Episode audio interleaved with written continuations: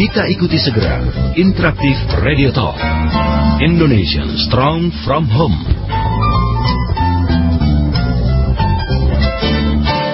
Indonesian Strong From Home bersama Ayah Edi, praktisi multiple intelligence dan holistic learning.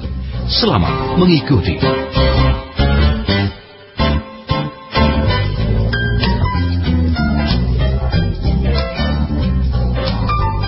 Ya, selamat malam Indonesia. Apa kabar Anda? Senang sekali semua bisa menyapa Anda di program Indonesian Strong From Home.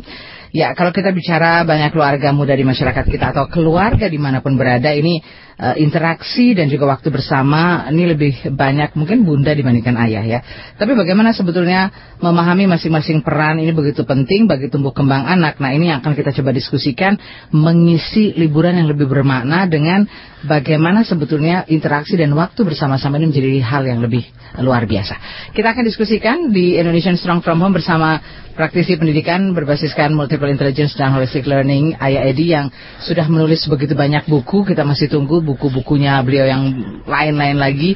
Karena Anda juga pastinya sudah bisa memiliki beberapa buku di antaranya. Ada 37 kebiasaan orang tua yang menyebabkan perilaku buruk pada anak. Lalu juga ada menggali potensi unggul anak sejak usia dini.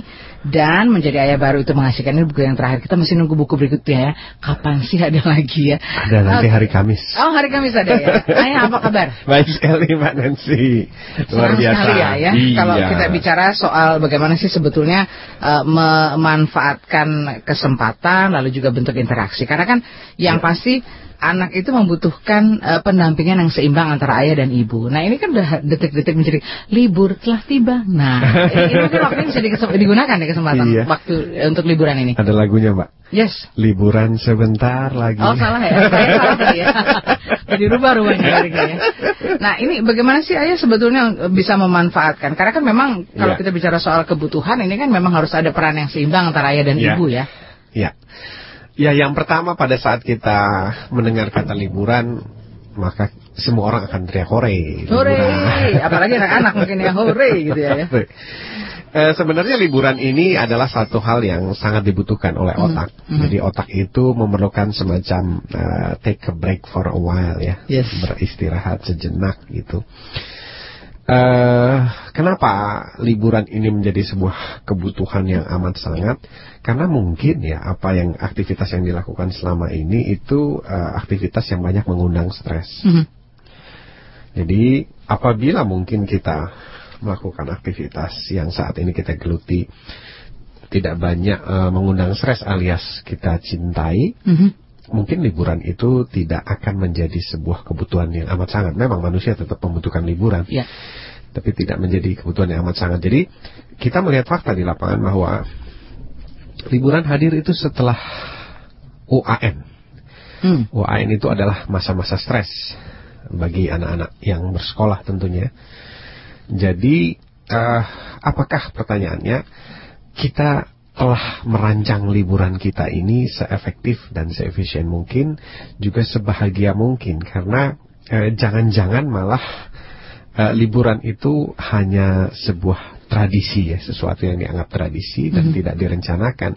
Sehingga banyak anak-anak yang mengalami kehampaan dalam liburannya sehingga pada akhirnya dia bosan dengan liburan dan ingin segera masuk lagi begitu Mbak Mhm. Nancy. Oke, saya jadi eh, teringat ada satu kutipan yang menarik ya, ya, yang Ya. bilang seperti ini. Didiklah anakmu, maka ia akan memberikan ketentraman kepadamu dan mendatangkan sukacita kepadamu. Yes. Nah, justru sebetulnya mungkin di saat-saat kita memang punya keseimbangan komunikasi dan juga interaksi kita, maka saat liburan tiba, maka ini akan lebih mempererat ya sebetulnya hubungan antara satu dan eh, lainnya ya pihak keluarga. Ya betul. Eh, kalau kita perhatikan ya dari konsumsi waktu Mhm. kita sehari-hari para orang tua itu mayoritas didominasi oleh aktivitas yang tidak bersama anak. Ya. Jadi sebenarnya dengan hadirnya liburan ini sebuah berkah yang luar biasa. Mhm. Eh, kita melihat fakta bahwa ada dua individu di sini misalnya kita ambil satu orang anak dan eh, orang satu keluarga ya. Ya. Eh, si anak sendiri sudah padat kegiatannya dengan aktivitas pembelajaran Waduh, tiap hari. hampir seperti orang kerja ya 9 to 5 gitu ya 9 atau 8 to 5 gitu Iya, ya. bahkan lebih pagi ya Yes, of course. Nah, terus yang kedua, sisi orang tuanya pun sama. Sudah eh, terokupasi waktunya oleh kegiatan-kegiatan kantor dan pekerjaan. Jadi, eh, walaupun kita jujur saja sering tinggal serumah atau tinggal serumah sama anak, tapi sebenarnya waktu interaksinya itu sangat sedikit sekali. Jadi hanya bersama-sama secara fisik ya. ya? Persis. Persis begitu kira-kira istilah yang sangat tepatnya Mbak Nancy. Nah, waktu liburan ini seperti Tuhan mengingatkan kembali kepada kita, hey wake up, Hmm, wake up. Anda jangan tenggelam dalam kerutinitasan Anda sehari-hari, Ya. baik orang tua maupun anak. Oke, sekarang waktunya rekonsiliasi, sekarang waktunya membangun kebersamaan, sekarang waktunya membangun kedekatan. Nah, kita melihat bahwa tidak semua orang menyadari itu. Ada yang eh, misalnya orang tua masih ragu juga ngambil cuti pada saat anaknya libur misalnya. Aduh, eh, begini-begini kerjaan lagi numpuk dan sebagainya. Oh, Ya. saya malah jauh-jauh hari udah pengen cuti ya. Jujur saja ya, waktu saya juga pernah jadi eh, orang kantoran atau bekerja begitu. Mhm. Kalau kita lihat pekerjaan mana pernah ada selesainya ya Mbak? Nggak ada habisnya ya. Iya, Mbak Ada mau pulang aja. jam 10 malam tiap hari pun besoknya ada lagi. Eh, besok lagi pulangnya jam 10 malam. Jam juga ya. 10 malam juga. Jadi ya, eh, ya mari kita ingat selalu bahwa ini adalah kesempatan emas. Jadi pertama, kalau kita sudah melihat anak kita mau liburan, paling tidak kita juga punya plan bagaimana eh, kita juga mengambil liburan di saat yang sama. Kemudian yang kedua adalah bahwa liburan itu tidak lama ya, walaupun kadang-kadang ada sekitar 20 hari lebih begitu. Ya. Tapi 20 hari itu sebentar sekali. Betul. Da- Dari setahun ya yang 365 hari. Bayangkan 20 per 365. Jadi itulah waktu yang kita miliki untuk benar-benar bisa kita gunakan bercengkrama.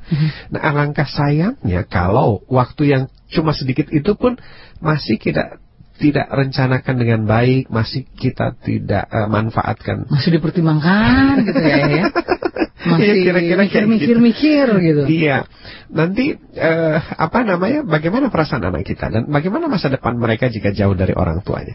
Dan kembali lagi pada hakikatnya kita ini semua kerja banting tulang pagi sampai sore buat siapa sih? Hmm, Buat keluarga, buat anak-anak ya, ya, ya. Iya betul begitu kira-kira. Oke, nah Ayah bagaimana sebetulnya kita mengisi waktu liburan atau memanfaatkan liburan? Kan ini kalau liburan bukan berarti libur benar-benar libur dan tanpa kegiatan yang bisa tetap eh, membuat kita mungkin tetap produktif, ya Iya. anak-anak kita juga tetap produktif. Iya. Nah, Iya. bagaimana sebetulnya mengisi hal ini dan menciptakan eh, liburan ini lebih bermanfaat? Nanti kita akan coba diskusikan Oke. lagi.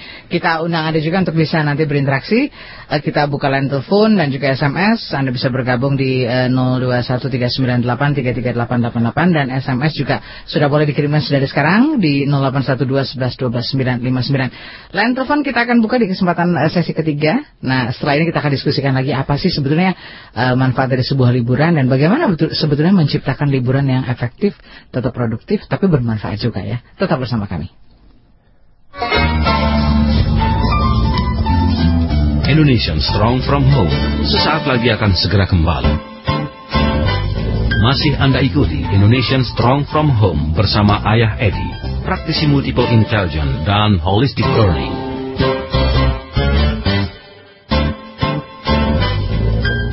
Kita kembali untuk Anda di program Indonesian Strong from Home. Let's make Indonesian Strong from Home. Masih bersama Ayah Edi dan malam hari ini kita akan mengulas tentang bagaimana sih sebetulnya menciptakan eh, liburan ya, bukan hanya sekedar Iya. rencana liburan dan juga ke mana liburannya, Iya. tetapi apa yang sebetulnya kita harapkan dari liburan itu bersama keluarga ya, entah ayah dan ibu lalu Iya. juga terhadap anak-anak. Nah, ini bagaimana mungkin interaksi di antara ang- anggota keluarga itu yang pastinya akan kita uh, ambil atau kita petik manfaatnya. Jangan sampai nanti liburan senang-senang perginya ke mana jauh-jauh pulang-pulang juga um, bagaimana interaksinya juga tetap sama aja seperti yang lalu kan ini juga kurang bermanfaat akhirnya ayah Betul, betul.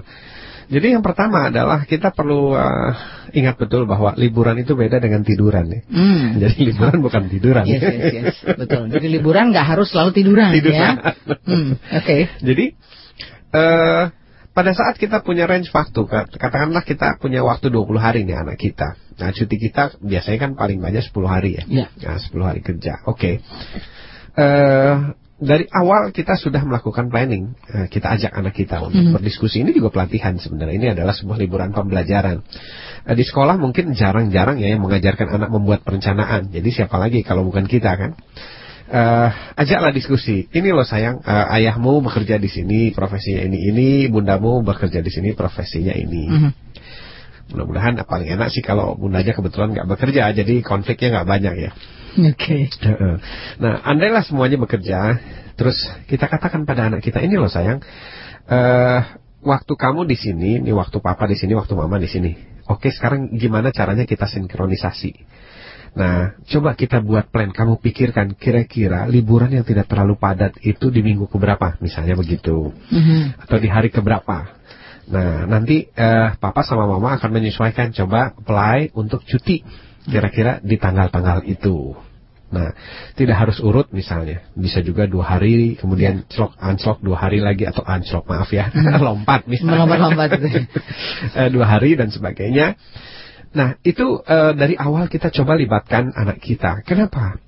Karena anak kita juga manusia, begitu. Hmm. Jadi jangan segala sesuatunya determine. Determine itu ditentukan oleh orang tuanya. Yuk kita ke sini ke sini. Jangan ke hanya sini. satu arah gitu ya. Iya persis gitu.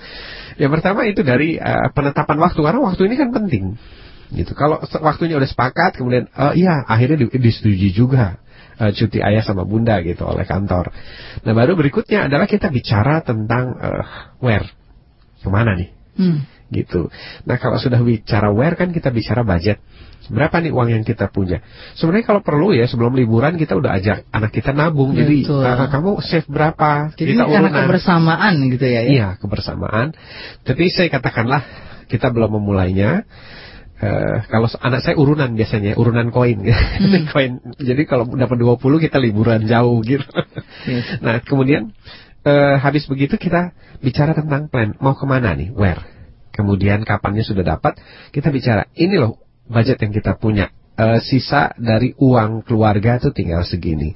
Nah, dari sini kita cukupnya ke mana kira-kira ya gitu. Terus dengan menggunakan apa? Nah di situ dibahas, dibahas. Nah apa gunanya? Di sini untuk memancing keterlibatan anak. Yang kedua kreativitas.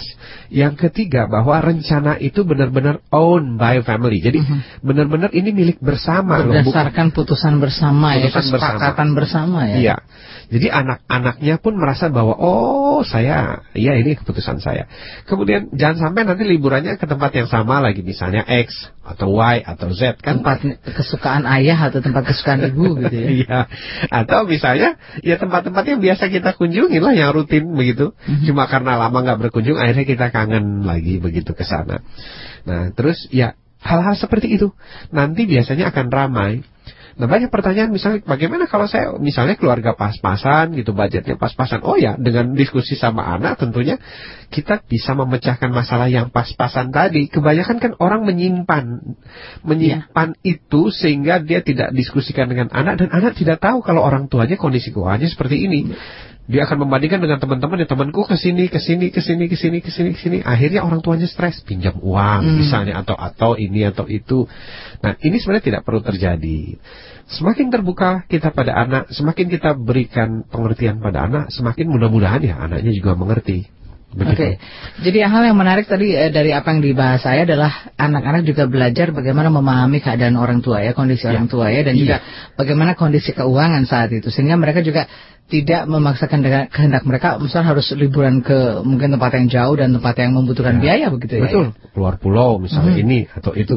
Saya banyak melihat keluarga-keluarga Indonesia eh, melalui Facebook yang bercerita pengalaman pribadi. Mungkin di sini juga kita bisa share ya siapa pun eh, tinggal SMS atau telepon yang mau share supaya jadi pembelajaran keluarga lainnya. Ada yang misalnya ternyata karena budget terbatas usulan anaknya sederhana saja. Eh, gimana kalau kita ngecat rumah gitu. Jadi acaranya ngecat rumah, ngecat kamar gitu. Jadi modalnya cuma cat sama kuas dan itu saja menjadi happy kan karena anaknya punya ide warnanya apa, kemudian motifnya bagaimana dan sebagainya. Itu bicara tentang cat. Kemudian ada lagi yang tanahnya agak luas berkebun. Kemudian ada lagi yang eh, memasak, ada yang memasak gitu ya liburannya di, diisi dengan uji trial buku masakan. Nah kebetulan mungkin anaknya suka memasak. Kenapa tidak begitu? Jadi eh, persepsi atau anggapan bahwa liburan itu harus keluar rumah, liburan itu harus biaya besar, itu mungkin bisa ditepis dengan eh, beberapa pengalaman keluarga Indonesia lainnya yang ternyata juga sama asiknya begitu. Oke, nah kita juga masih ingin diskusi dengan Anda tentang bagaimana sebenarnya menciptakan dan memanfaatkan liburan ini bukan hanya sekedar dari katakanlah tadi sisi kebersamaannya, tetapi efektivitas produktivitasnya juga perlu dilihat begitu ya. Apa yang bisa kita petik dari makna liburan itu? Bukan hanya sekedar mungkin senang-senang, tapi Ya. nanti akhirnya juga pulang-pulang hanya tinggal capek dan lelah Capek, saja betul. ya. Tetapi bagaimana memanfaatkan hal ini menjadi satu momentum kebersamaan keluarga dan ini menjadi sebuah komitmen bersama ya. Iya, ya. Oh, betul. aduh, menarik sekali. Baik. Ayah kalau bicara soal liburan ini kan tadi katakanlah liburan ini bukan tiduran saja ya. Iya. Nah, bagaimana sih sebetulnya kita eh, mungkin melibatkan anak-anak kita untuk diskusi, katakanlah tadi, untuk tetap bisa memanfaatkan suasana liburan ini lebih rileks tetapi tetap produktif begitu. Nah, ini apa yang perlu kita share atau mungkin kita komunikasikan dengan Iya. anak-anak? Pertama tadi kita bicara tentang uh, when-nya ya, kapan kita mau berangkat. Kemudian setelah itu where-nya uh, berhubungan dengan budget ya. Kemudian nanti kan kita akan ada uh, uh, konten nih. Kita mau ngapain sih di sana gitu. Jangan-jangan main sendiri-sendiri, ayahnya di mana, bundanya di mana dan sebagainya. Jadi konten isi isi pada saat kita berada di sana berapa lama waktu perjalanan dan sebagainya itu harus mulai dibicarakan. Saya biasanya sama keluarga itu uh, punya namanya strategi liburan. Jadi sebelum liburan uh, tujuan itu uh, tujuan setelah tujuan ditetapkan, maka kita akan mencari informasi sebanyak-banyaknya mengenai price misalnya tempat tinggal yang lebih murah, kemudian termasuk oh, macet ya. Jadi uh, arusnya seperti apa, di tanggal berapa, kayak gimana. Kita monitoring itu lewat internet kan ketahuan. Iya. Lokasi-lokasinya sekarang kita bisa dapat di internet itu lengkap sekali ya. Jadi internet itu mensuplai informasi yang uh, sangat- Memudahkan kita memudahkan kita begitu. Sehingga pada saat kita eh, mau berangkat itu perhitungan kita sudah sangat strategis karena data-data yang masuk itu sudah eh, konkret ya, laporan-laporan termasuk titik-titik macet, jalan mana yang akan kita lalui dan sebagainya. Sehingga apa yang terjadi pada saat kita jalan itu benar-benar kita menikmati perjalanan. Saya banyak sekali sebelumnya ya tidak melakukan perencanaan strategis seperti ini. Apa yang terjadi, Mbak Nancy? Kita mau ke puncak aja itu 5 jam sampai 6 jam. Hmm, jadi akhirnya lelah di jalan ya. Lelah di jalan sampai di sana eh, jujur saja kita sudah pada bete begitu anaknya bete orang tuanya bete dan akhirnya apa yang terjadi kan berantakan gitu padahal kita ingin refreshing kita ingin mengistirahatkan otak kita ingin menyegarkan kembali Ingin senang-senang. ya. senang-senang tapi faktanya begitu Mhm. Eh, dan itu terjadi Eh, saya sering melihat di televisi gitu banyak orang yang apa ma- bermacet-macet ria sampai 6 jam 7 jam Eh, ke mana? Cuma ke puncak gitu misalnya. Nah, ini mungkin eh, perlu atau bisa kita siasati dengan perencanaan strategis. Hari keberapa, hari apa kita mau ke sana. Jadi kita menghitung jangan pada saat orang-orang ke sana kita ikutan ke sana begitu. Eh, ini yang yang yang perlu eh, kita latih anak kita supaya dia belajar untuk berpikir strategis untuk menembus sesuatu tujuan tertentu begitu, Mbak. Betul. Kalau bicara soal liburan, ayah, nah ini pasti kan juga di mana-mana akan padat ya, dipadati oleh eh, pengunjung yang ingin Ya. berkunjung ke satu tempat seperti itu. Selain juga padat, pasti kan sudah jauh-jauh hari, bukan jauh-jauh hari lagi pesan-pesan. Misalnya katakanlah Ya. kita eh, pesan penginapan atau segala Ya. sesuatu, harus jauh-jauh bulan sebelumnya ya. Karena kan jangan sampai nanti sampai di sana kita malah justru tidak mendapatkan fasilitas untuk mungkin menginap dan lain sebagainya seperti itu. Nah, bagaimana sebetulnya menyiasati hal-hal seperti ini? Tadi katakanlah ayah bilang ya jangan sampai nanti mungkin kita liburan ke satu tempat yang memang sudah dituju oleh banyak orang. Maka itu kan akhirnya menjadi eh, katakanlah mungkin kurang nyaman karena terlalu banyak eh, hingar-bingar juga di sana. Nah, Iya. untuk memanfaatkan situasi-situasi seperti ini untuk lebih eh, mungkin menikmati suasana yang akan kita tuju di tempat yang kita tuju itu apa upaya kita bersama? Ya, eh, misalnya saja begini ya Mbak ya. Eh, saya berencana mau ke PRJ eh, untuk memberikan pembelajaran buat anak Wah, saya. banyak stimulus di sana ya. Ya banyak sekali stimulus di sana. Cuma saya bilang sama istri saya, coba perhatikan tren PRJ gitu. Pertama adalah eh, di minggu keberapa. Kalau di minggu awal-awal biasanya sangat penuh Wah, membludak gitu. membludak. Terus yang kedua, pelajari dari internet lagi tren setiap harinya, setiap harinya. Eh, kalau weekend seperti apa, kemudian eh, perbandingkan antara Sabtu dengan Minggu mana yang lebih padat. Kemudian yang terakhir adalah bagaimana kalau kita ambil misalnya hari kerja. Nah, pelajari trafiknya. Hari kerja apa yang traffic ke sana itu tidak terlalu padat gitu. Dapatlah misalnya kami hari Kamis gitu atau hari Rabu gitu. Nah, dari situ diputuskan, oke, ini adalah opsi terbaik dari yang ada. Kita sadari bahwa populasi Jakarta ini luar biasa, mungkin ada sekitar 30 juta jiwa ya. Jadi eh, sulit untuk menghindari sama sekali tidak macet, sama sekali tidak ada manusia begitu atau sama sekali tidak padat. Itu sangat sulit. Tapi di antara tensi yang tinggi tadi, tekanan manusia yang tinggi tadi, paling tidak kita punya tensi yang terendah dari populasi yang ada. Misalnya, biasanya PRJ dikunjungi 600 ribu gitu ya. Nah, di hari tertentu bisa jadi setengahnya. Di hari tertentu mungkin sekitar 200 ribu. Oke, kita akan masuk di yang 200 ribu. Mm -hmm. Jadi 200 ribu satu begitu. Nah, hal-hal seperti ini kalau kita ajarkan kepada anak, maka anak akan punya pola dan daya pemikiran kreatif yang strategis dan itu nanti akan diaplikasikan di berbagai macam kasus begitu. Hmm, Jadi di dalam kehidupan mereka. Di dalam kehidupan mereka uh, yang selama ini dia hanya by instant atau by emotional aja yuk kita berangkat yuk kita berangkat yuk kita berangkat tapi dengan melatih anak kita seperti ini maka setiap dia mau melakukan sesuatu dia akan pikirkan -hmm. Rencana strategisnya udah punya belum? Budgetnya berapa? Terus mana yang lebih baik antara A, B, atau C? Seperti itu opsi-opsinya ditimbang. Dan kita nanti akan amazing satu kali kita lakukan itu, dua kali kita lakukan itu, yang ketiga anak kita yang akan menjadi pionirnya. Oh, dia akan memutuskan begitu. Iya, ya? dia akan hmm. akan menjadi uh, leader ya, informal leader di keluarga kita. Begini mah, aku udah punya data ini mah. Karena anak-anak itu ternyata begitu kita ajarkan, mereka jauh lebih cepat belajar, jauh lebih cepat memahami dan jauh lebih tekun dan uh, kerja keras dalam ya hal-hal yang mereka sukai tentunya ya. Jadi lebih strategis juga. Lebih strategis ya? ternyata hmm. begitu. Kira-kira begitu Mbak Desi. Oke, okay, menarik sekali bicara soal liburan. Nah ini banyak hal yang bisa dilakukan ternyata ya. Tadi bukan hanya sekedar menciptakannya, tetapi bagaimana mengisi uh, liburan itu sendiri. Nah ini mungkin sudah bisa dipersiapkan oleh para ayah dan ibu ya keluarga Indonesia uh, semua listener untuk menentukan kira-kira nanti liburan yang terbaik seperti apa. Karena bukan hanya sekedar liburan dan akhirnya tiduran itu, tapi liburan itu harus tetap bermanfaat. itu tadi kalimat yang ayah sampaikan ini menarik juga ya. Jadi yeah. liburan bukan hanya sekedar tiduran ya. Oke kita akan lanjutkan tentunya selepas beberapa pesan berikut dan kita juga akan uh, menyapa anda yang bergabung tentunya mendengarkan program ini selain Anda yang mendengarkan di seluruh jaringan Smart FM Network dari Palembang, Pekanbaru, Medan, juga Surabaya, Jakarta, Semarang dan Banjarmasin, Balikpapan serta Makassar dan Manado. Kita undang Anda juga untuk bisa bergabung melalui beberapa radio sindikasi. Silahkan bergabung di Radio Global FM Langsa, Nanggro Aceh Darussalam, Kilaf FM Tasikmalaya dan juga apa kabar untuk Anda yang mendengarkan di Pro FM Padang, Borneo FM Samarinda, Meta FM Solo, juga Fla FM Palangkaraya dan Arinana Pontianak serta Broadcast FM Kuningan, Suara Suara Maritim eh, FM Cirebon dan juga Solo. Kita masih mengulas seputar bagaimana memanfaatkan liburan dan menciptakan liburan yang bukan hanya sekedar efektif, uh, efisien, tapi juga produktif ya. Ini kita masih bahas bersama Ayah Edi dan terima kasih banyak sudah banyak sekali yang mengirimkan uh, eh, SMS. Nanti kita akan ulas. Untuk Anda yang bergabung di line telepon, silahkan saja di 0213983388. Kita membahas tentang liburan. Oke. Okay. Nah, Ayah kalau bicara soal liburan ini biasanya kan betul-betul yang rileks, yang santai, sesantai-santainya. Padahal nanti ketika masuk anak-anak jadinya malas-malesan, jadi urung-urungan, bahkan mungkin bisa lupa gitu sama pelajaran.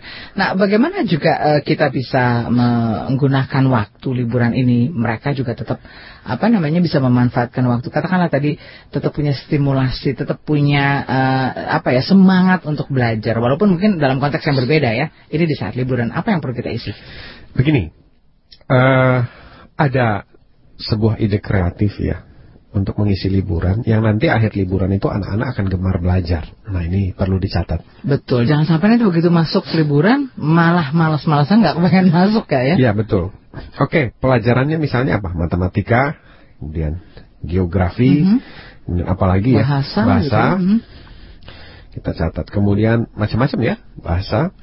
Nah, eh, semua pembelajaran ini akan kita diskusikan sama anak untuk memilih lokasi-lokasi yang mewakili keempat atau kelima mata pelajaran atau keenam atau semua mata pelajaran. Mm -hmm. Terus kita ajak anak kita, oke okay, kalau begitu kita bicara tentang matematika. Yuk kita belajar hitung budget.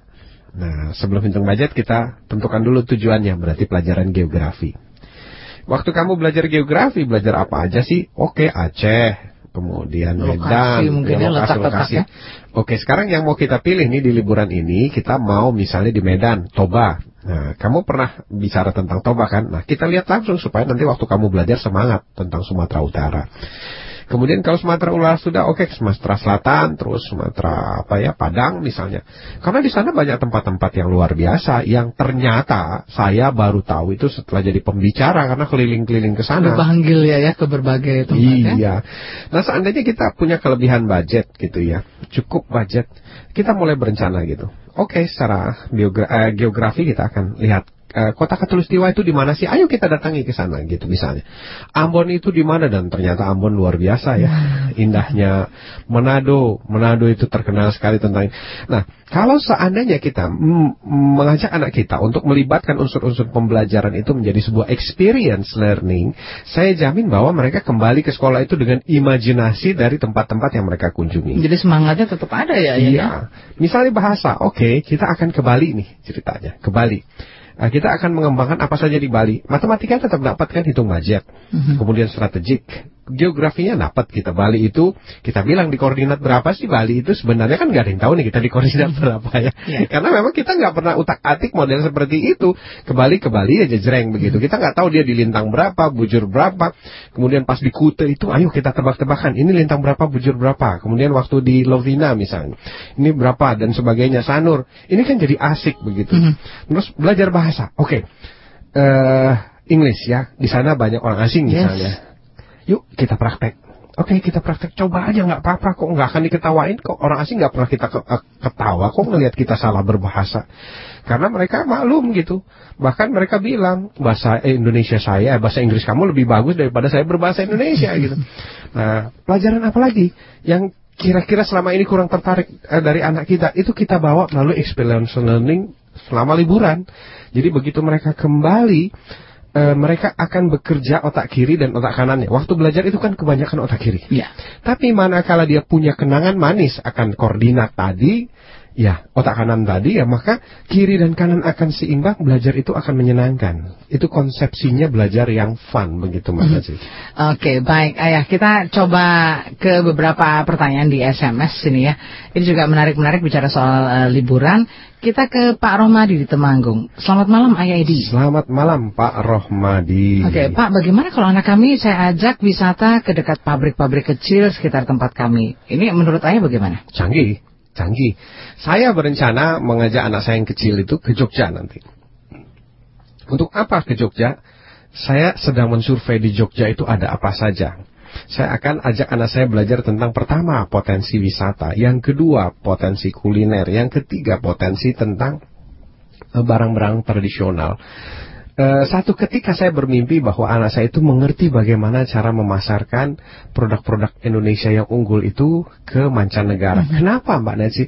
Harga barang-barang kita di mancanegara itu gila-gilaan. Kebetulan salah satu keluarga kami baru pulang dari Eropa. Cerita bahwa yang dijual di sana itu golekan, hmm. wayang, produk-produk Indonesia yang kita punya banyak di Jogja dan di daerah-daerah lainnya. Tapi kenapa uh, apa namanya harganya atau tidak terkenal itu karena kemampuan marketing anak-anak kita itu tidak digodok, hmm. tidak dilatih sejak dini pada saat mereka liburan sehingga pada saat dewasa mereka punya imajinasi yang sangat berkembang. Kita tidak tahu uh, bahwa suatu ketika mungkin anak kita tinggal di Eropa, di Singapura dan sebagainya. Nah, pada saat anak kita dari kecil itu sudah dilatih, dilatih refleksnya, eh, apa namanya, jiwa dagangnya, jiwa marketingnya. Suatu ketika mereka berada di sana, di, di, diizinkan hmm. oleh Tuhan merantau ke luar negeri, mereka akan bangkit itu ya pengalaman-pengalaman kecilnya. Kenapa saya nggak begini? Kenapa saya nggak begini? Seperti itu kira-kira Mbak Nancy. Jadi pemasar yang handal juga ya? Iya, salah satunya di Jogja saya pernah dengar itu di Kick Andy ya. Ada uh, mantan kenek bis uh, Solo Jogja itu yang menjadi pemasar batik uh, nomor satu di Eropa. Oh. Ya, ibu-ibu itu. Seperti itu. Saya geleng-geleng kepala. Ya, waktu itu dia cerita bahwa ini terjadi karena sebuah keterpaksaan anaknya sakit begitu. Biasanya dia ibu-ibu ini ngenaiki antara Jogja sama Solo karena anaknya sakit tidak mau berhenti akhirnya dia nggak bisa ngenaiki kemudian dia kelolalah warisan orang tuanya tentang batik Mhm. Kemudian karena hasilnya bagus, banyak orang asing yang belanja ke sana. Kemudian dia sudah tanya, bisa nggak ya kira-kira bantu saya buka toko di luar oh, negeri? Oh, jadi membuka jaringan ya? Iya. Kesempatan untuk nah, kerjasama. Orang yang sudah uh, apa namanya senior saja eh, karena pengalaman hidupnya yang luar biasa, itu bisa terbangkitkan ya kemampuan-kemampuan yang terpendam dari diri. Apalagi anak-anak kita begitu. Nah, jadi kalau berkunjung ke pabrik, ayo nak kita lihat. Satu ketika, suatu ketika mana tahu dia adalah pemilik pabrik, eh, salah satu karoseri misalnya, atau pabrik apa begitu ya. Nah, jadi sangat bagus Pak itu Pak. Asalkan pada saat kita mengunjungi itu terus kita ajak dialog, kita jelaskan, kita tanya, kita jawab, kita minta dia, ayo tanya langsung ke sana. Saya sering sering minta anak saya itu untuk berani, ayo tanya langsung, tanya langsung. Dan uh, kita harus mempersiapkan mental anak kita kalau yang ditanya itu malas jawab karena tradisi di kita biasanya kalau anak-anak yang tanya jarang ditanggapi begitu. Oke. Baik, ini juga melatih keberanian mereka ya ayah ya. Ya. Bagaimana sebenarnya berinteraksi ya di di luar sana. Oke, benar-benar menjawab. Terima kasih untuk Pak Rohmadi Rohmadi, di ya. Temanggung. Selamat eh, melaksanakan liburannya. Nanti kabar-kabari kita juga ya. Bagaimana sebenarnya hasil liburannya Hasil- ya. hasilnya seperti apakah apa? cukup efektif dan produktif ya? Nanti Ya. kita diskusikan lagi. Oke, kita lanjut lagi. Sekarang kita ke pertanyaan dari oh ada Pekanbaru dari Pak Akmal di Pekanbaru. Selamat malam, Ayah. Assalamualaikum. Waalaikumsalam Pak Akmal, selamat malam. Yang ingin saya tanyakan bagaimana dengan anak yang kekurangan budget ya mungkin orang tuanya kurang budget Oke. sehingga eh, mereka tidak bisa mungkin katakanlah liburannya keluar kota. Nah bahkan untuk berlibur eh, apa ya berlibur pun hanya mungkin di rumah saja. Nah ini bagaimana mengisi hal ini? Baik. Pertama begini, saya ingat pengalaman masa kecil saya. Eh, orang tua saya hidupnya eh, cukup ya, cukup buat makan, cukup lah gitu. Kalau dibilang kekurangan kita tidak bersyukur, tapi cukup. Eh, tapi begitu kita bicara tentang leisure, tentang eh, jalan-jalan, eh, tentang liburan, vacation, eh, jadi tidak cukup budgetnya begitu. Tapi apa yang eh, dilakukan oleh orang tua saya? Beliau bertanya, kamu mau jalan-jalan nak gitu? Kamu mau ke mana? Ditanya. Yuk kita hitung ongkosnya berapa. Jadi hitung ongkosnya berapa. Misalnya waktu itu yang terdekat dari tempat kami ya kayak Taman Impian Jaya Ancol. Misalnya ongkosnya berapa, uang masuknya berapa. Eh, Oke, kalau misalnya tahun ini tidak bisa, tahun depan kamu mau? Mau. Oke kalau gitu eh, kita cari uang. Nah kita dagang. Saya dilatih dagang mbak. Ibu saya yang masak kue-kue, kemudian apa waktu dulu ada es tenteng ya, es tenteng lagi zamannya es kue itu, ibu saya bikin dan sebagainya. Eh, saya sekolah pagi, siangnya saya suruh dagang. Ayo kumpulkan uang yang kamu butuhkan untuk liburan. Jadi ngumpulin uang. Nah, jadi kita tidak mati langkah begitu. Kalau misalnya kita nggak punya uang dan orang tua kita terbatas, sudah. Mau gimana lagi? Nggak ada kata begitu. Ibu saya selalu, ayo, selama kita pakai dan pakai otak kita, berpikir dan berusaha pasti bisa. Jualan kue saya mbak, jualan kue, jualan es dan sebagainya. Jadi setiap pulang sekolah ya itu. Karena yang ada di pikiran saya tahun depannya harus jalan. Harus, Harus jalan, harus pergi ke sini, harus gini, gini, gini, gini. Nah jadi ngumpulin uang, ngumpulin uang, kemudian dapat kan dalam eh, konstelasi jumlah tertentu masih kurang nggak? Cukup sih, oke. Ibu saya biasanya tambahi, tambahi. Ayo kita pergi bareng. Jadi kenikmatannya itu mungkin 40 kali lipat daripada hanya waktu itu saya dibiayai oleh orang tua. Oke, kita liburan. Kenapa? Karena saya benar-benar ngerasain gimana caranya nungguin kue seharian, kemudian nungguin es sampai laku, eh, 100, 200 kita kumpulkan, terus untungnya dibagi buat besok modal lagi.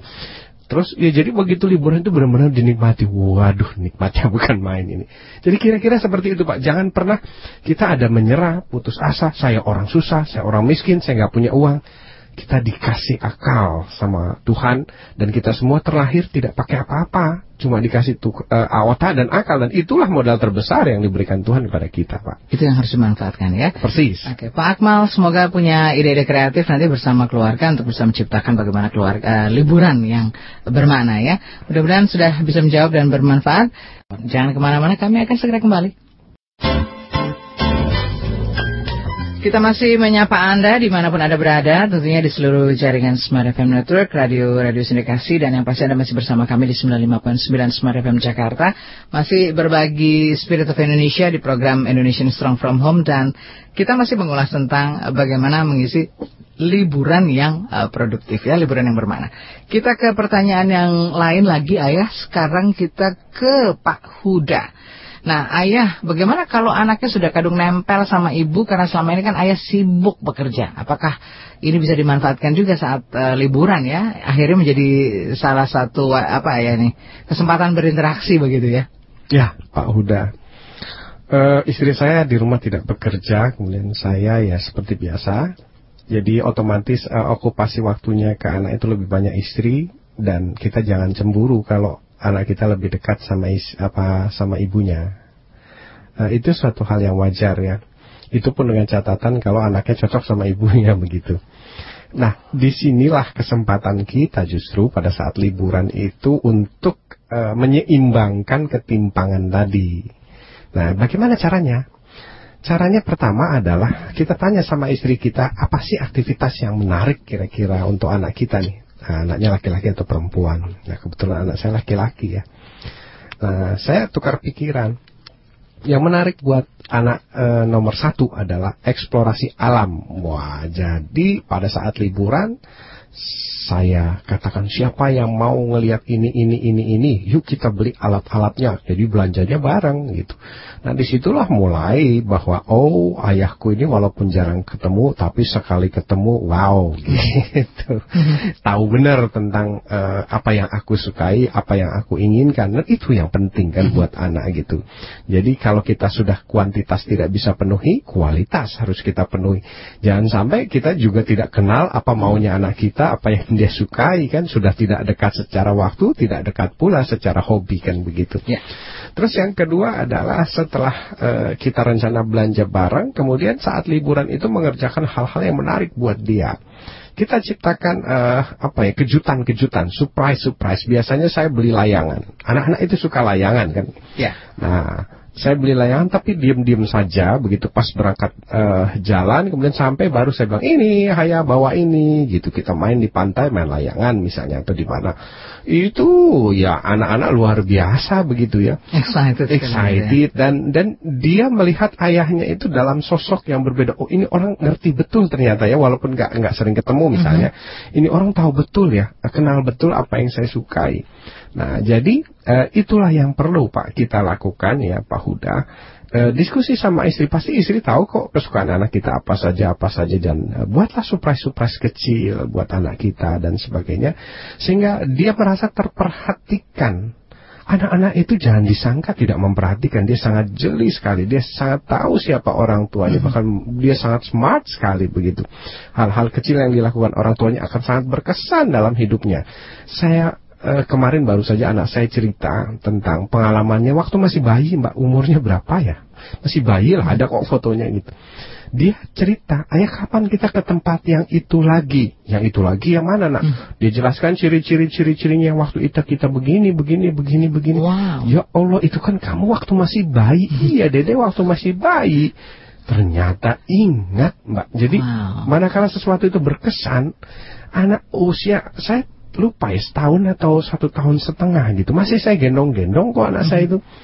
Ya Allah nah saya bilang ingatan kamu kuat sekali. Dalam hati saya oh rupanya berkesan gitu mbak itu yang kita perlu ketahui Pak Huda kira-kira. Oke, okay, jadi e, momentumnya juga bisa dimanfaatkan ya. Apa pun anak kita e, itu bisa kita komunikasikan dengan ibu ya ya. ya. Perkembangannya setiap hari seperti apa. Persis. Jadi ayah juga tidak ketinggalan momentum. Tidak momentum ketinggalan itu, ya? cerita, mm -hmm. tidak ketinggalan ilmu pengetahuan Betul. tentang anak, tidak ketinggalan uh, tentang perkembangan pertumbuhan Persis. anak itu sendiri ya. Jadi Persis. tetap tahu ya di tengah-tengah kesibukan. Iya, makanya saya katakan tadi liburan is a blessing. Yes.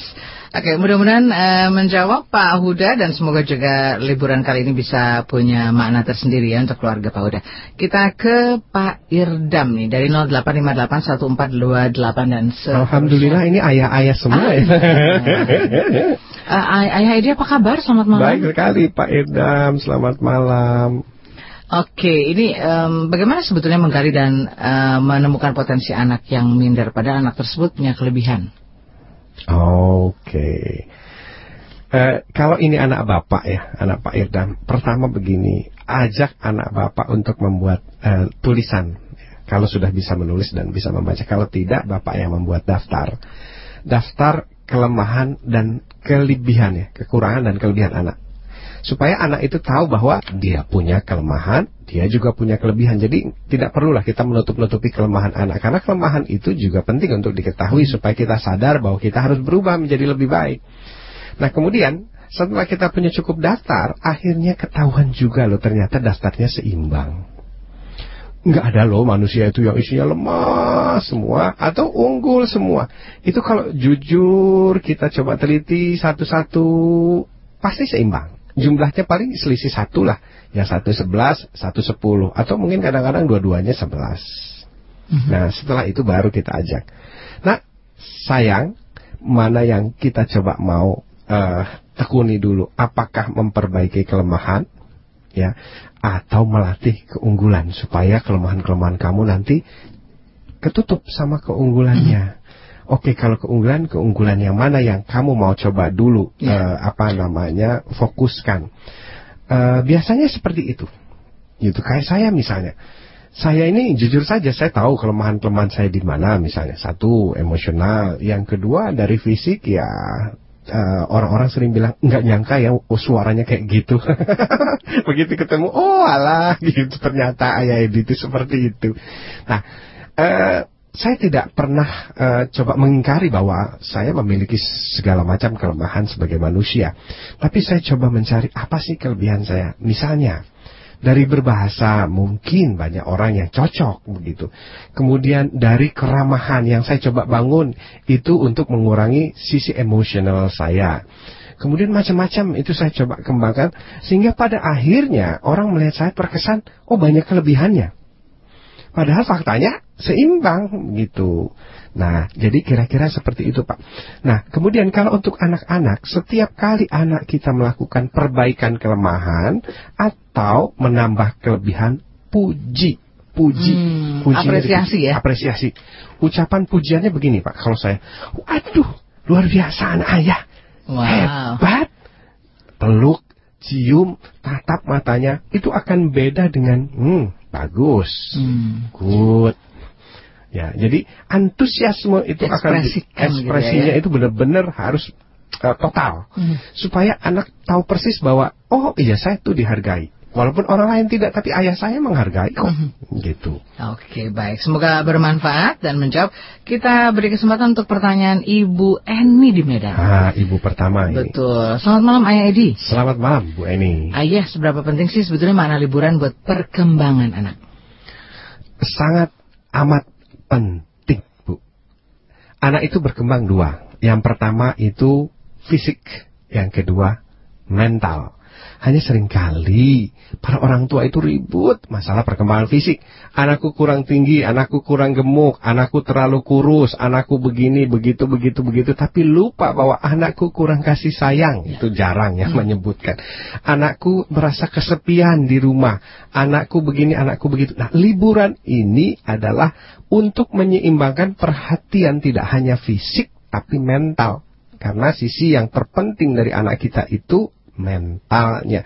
Manusia is a mental. Fisik ini adalah organ untuk mengekspresikan pikiran mentalnya. Hmm. Nah, seperti itulah pentingnya liburan. Oke, jadi ada yang harus seimbang ya, ya, ya. Jadi iya. perkembangan ya. secara fisik tapi mental juga ya. Sama seperti suami dengan istri misalnya. Uh, kita biasanya concern ke fisik ya, aduh kok udah mulai ada kerut, oh ada mulai ada begini, ada begitu, suami pun begitu. Tapi cobalah perhatikan, begitu kita sentuh saja mentalnya, itu wajahnya hingar-bingar, ya, semeringah begitu. Uh, padahal untuk mengubah penampilan fisik itu sentuhlah mentalnya, pujilah, ucapkanlah terima kasih, tepuk bahunya, bisikan kata cinta misalnya ya sama istri begitu. Nah, saya lakukan juga soalnya ini. Hmm, nah, jadi tidak hanya bicara ya, ya. ya. Iya seperti itu. Nah, lihatlah kosmetik itu jadi kebutuhan berikutnya. Jadi jangan sampai fisik saja, mental itu utama dan anak kita juga sama. Mereka okay. perlu asupan ada, mental. Ada hal yang lebih alamiah ya, ya dari isi persis.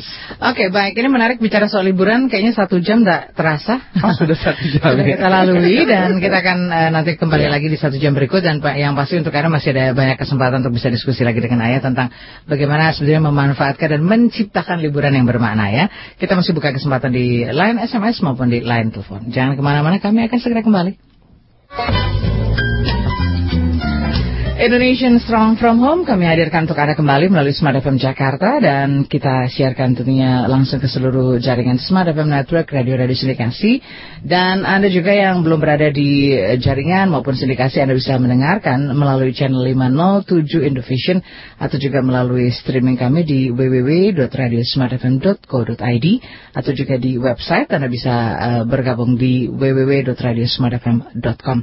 Kita masih bersama Ayah Edi Uh, beliau ini luar biasa sekali dan beliau juga baru menginspirasi kita di satu jam uh, yang lalu tentang bagaimana sebetulnya membuat sebuah liburan ini tetap punya makna, tetap punya uh, bagaimana interaksi antara ayah, ibu dan anak ini hal-hal uh, yang lebih berkualitas. Kalaupun dari sisi kuantitas kita memang katakanlah di kota-kota besar ini sulit begitu untuk memenuhinya, tetapi setidaknya secara kualitas kita bisa menggunakan sarana liburan ini menjadi hal-hal yang mungkin lebih mengeratkan satu sama lain. Kita masih lanjut lagi ya, ya bicara soal bagaimana memanfaatkan dan menciptakan liburan seperti itu. Ya. Nah, hal yang uh, paling menarik adalah ketika mungkin nanti anak-anak kita persiapkan dari liburan mau masuk lagi ke saat-saat bersekolah seperti itu. Nah, momentum-momentum yang perlu diciptakan adalah tadi memang harus ada juga stimulus di situ ada pembelajaran sehingga semangat mereka untuk belajar tidak tidak tidak turun ya begitu liburan benar-benar tiduran tadi istilahnya ya ya tapi benar-benar juga tetap punya semangat walaupun kita punya strategi dan cara yang berbeda ya ya. Ya, begini, mana sih? Semangat itu berhubungan dengan proses uh, dengan kesan. Uh, kesan itu berhubungan dengan pengal uh, image, image mm -hmm. itu berhubungan dengan pengalaman. Jadi uh, kalau dikatakan anak itu suntuk belajar karena image yang dibangun pada kata belajar tadi adalah satu serius, dua di dalam kelas, tiga melihat buku, empat tugas-tugas, lima hukuman. Hmm, Okay. Jadi begitu eh, dengar kembali belajar, kembali masuk sekolah, maka otak akan menampilkan lima kesan tadi, ya kesan yang uh, tidak menyenangkan. Hmm. Akhirnya apa? Kesan yang tidak menyenangkan ini akan uh, apa meruntuhkan semangat tadi, akan melelehkan semangat tadi. Oleh karena itu di kesempatan liburan inilah kita coba ganti image belajar itu dengan image yang menyenangkan. Jadi yang lima tadi coba kita tutup ya, kita tutup nah dengan image baru. Misalnya matematika. Image-nya kita ganti dengan begitu bicara matematika, hitung-hitungannya adalah menghitung budget perencanaan untuk pergi jalan-jalan di tempat favorit. Bayangkan. Hmm jadi begitu mau masuk ke belajar matematika, oh belajar hitung budget nih. Langsung image itu yang keluar. Jadi semangatnya akan muncul lagi. Percayalah pada saya bahwa kita misalnya nih mau bertemu someone itu apakah kita semangat atau tidak itu tergantung someone image-nya itu siapa gitu. Iya. Kalau someone image-nya itu bos misalnya atau orang yang kira-kira kita tidak sukai, semangat itu langsung meleleh kok. Tapi apabila kita mau ketemu nih terus sama someone yang yang nempel di hati, yang lekat di hati, yang soulmate kita, saya jamin mau hujan badai itu semangat nggak akan luntur. Jadi penting sekali membangun kalau dalam bahasa NLP itu anchor ya Mbak. Hmm. Anchor. Hmm. Anchor itu pengingat.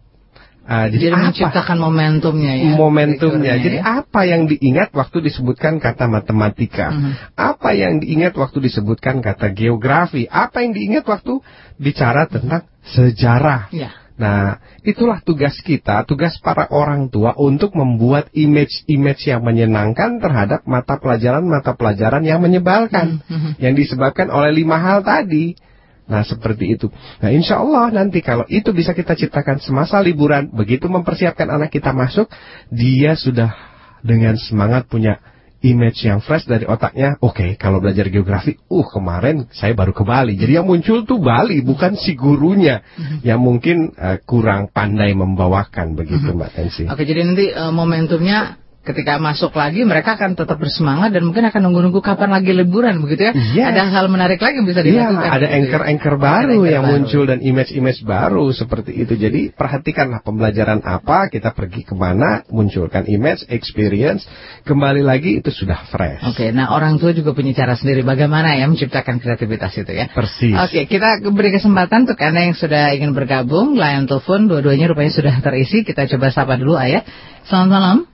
Selamat malam, Pak. Selamat malam, Pak Iswan. Oke, silakan Pak Iswan. Selamat malam, Guru.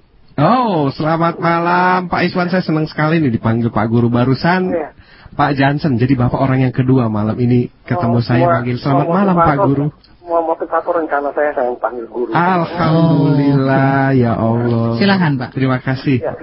Eh, dari lima hal tadi, begitu libur, anak seperti merdeka ya. Ya, Luar biasa anak ini. Merdeka sekali, seperti terlepas dari apa namanya Belenggu. eh, belenggu gitu ya. iya. Nah, eh, liburan menjadi persoalan ke- eh, dari perbedaan-perbedaan anak yang yang eh, visual, eh, auditorial dan kinestetik Iya. ya. Ketika di kelas kan mereka juga eh, gurunya apabila visual seperti itu, auditorial. Nah, kalau liburan ini eh, khusus anak auditorial dan dan kinestetik ya kinestetika ya. Ya. Kalau visual kan jelas mereka lihat alam gitu. Iya. Nah, sebaiknya Oke, kita sudah bisa tangkap maknanya tadi bagaimana perbedaan-perbedaan ini dan melengkapi mereka dengan mengisi liburannya. Kita ke penelpon berikutnya. Selamat malam, Smart FM. Selamat malam Ya, selamat malam. Dari siapa di mana, Pak? dari Pak Ahmad di Tangerang. Pak Ahmad di Tangerang. Silakan, Pak Ahmad. Eh, Ayah Hadi, Ya, Pak Ahmad. selamat malam. Selamat malam, Pak Ahmad. Nah, eh, ini Ayah Hadi, saya mau nanya soal ini eh, agak agak sedikit berbeda dengan topik malam ini ya, Mhm. mengenai pendidikan eh, di sekolah itu. Ya. Saya pernah dengar mengenai standarisasi UNESCO ya, Mhm. Oh iya, iya. Mhm. Ah, yang ya itu itu eh, apa standar saya kan kalau eh, gimana agak sedikit bingung ada standar UNESCO itu apa standarnya terus bagaimana atau Mhm. contoh-contohnya seperti apa itu ya. Five pilar gitu. Pak. ya. dilarang istilahnya Oke. Ya, Itu baik. saja. Ya. Baik, terima kasih Pak Ahmad di Tangerang. Selamat malam. Oke, kita ke Pak Iswan dulu. Nah, bagaimana liburan ini eh, mereka juga tetap merasa tadi katanya liburan tuh berarti merdeka gitu ya. Iya. dari aktivitas dan rutinitas yang dari pagi sampai Iya. eh, sore hari itu. Tapi bagaimana eh, bisa menyisa- menyiasati persoalan yang ada ketika kan anak-anak ini kan pastinya unik dan berbeda ya. Ya, tipenya beda-beda. Ada yang kinestetik, ada yang visual. Ini upaya kita untuk melihat ya, liburan-liburan yang sesuai dan cocok buat mereka seperti apa? Ah, begini Pak Iswan. Eh, seandainya kita punya anak lebih dari dua ya, atau tiga Mhm. gitu. Eh, ternyata masing tipe-tipenya beda-beda. Cara yang paling baik yang bisa kita lakukan atau salah satu caranya yang paling bi- bisa kita lakukan adalah kita minta anak-anak kita, eh sayang nak, eh, sebulan depan akan liburan, tolong dong ayah minta 10 daftar tempat favorit buat kamu untuk liburan. Masing-masing anak akan berpikir keras itu tempat favorit. Nah biasanya tempat-tempat favorit itu akan mewakili dia punya gaya belajar, auditori, visual, kinestetik. Nah, tapi jangan jangan jangan kita jangan lupa Pak Aswan bahwa kadang-kadang satu tempat bisa mewakili tiga jenis anak ini atau tiga tipe anak. Misalnya kita pergi ke puncak. Hanya bedanya nanti yang auditori itu dia akan membawa gitar. Nah, terus nyanyi-nyanyi di puncak gitu ya, di acara keluarga. Kemudian yang visual, ini mungkin dia akan membawa buku novel kesayangan. Atau apa pun yang dia bisa lihat dan baca. Aktivitasnya kadang-kadang malah bawa komputer dan sebagainya. Dia ingin menikmati suasana baru, tapi tidak lepas dari tipe visualnya.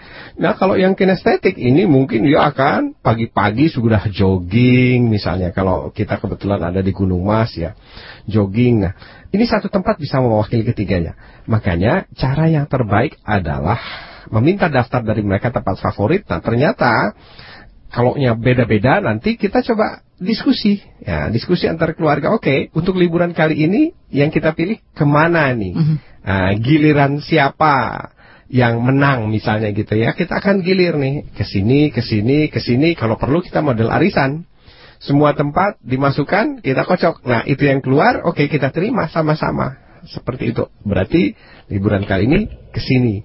Nah, sepanjang kita melibatkan mereka semua dengan cara-cara yang fair ya, tidak ada tendensi membela si A, si B, si C, biasanya anak-anak akan bisa menerima dan ini sebuah proses pembelajaran bahwa uh, hidup ini uh, perlu sebuah keterlibatan dan perlu fairness.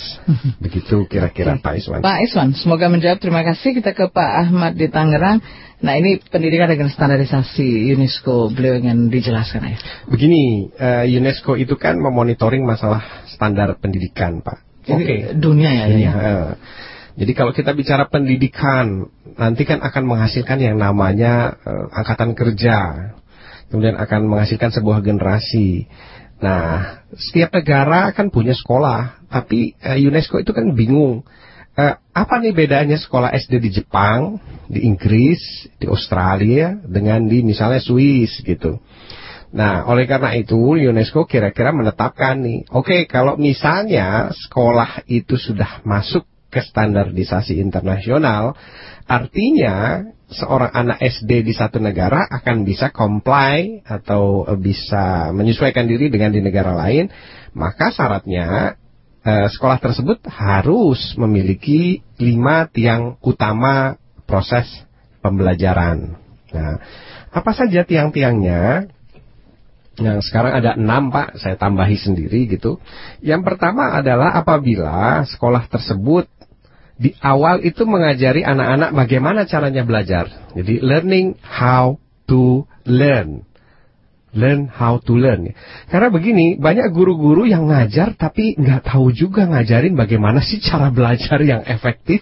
Sehingga akhirnya muncullah bimbingan belajar. Karena orang-orang di bimbingan belajar itu ternyata tahu, oh belajar yang efektif seperti ini. Ada metode jembatan keledai, ada metode apa namanya mind mapping, ada metode ini dan sebagainya dan sebagainya. Itu sebenarnya standarisasinya salah satunya adalah learn how to learn. Kalau sebuah sekolah di awal-awal gurunya melatih anak anak untuk bagaimana belajar secara efektif, oke, okay, itu masuk standar internasional.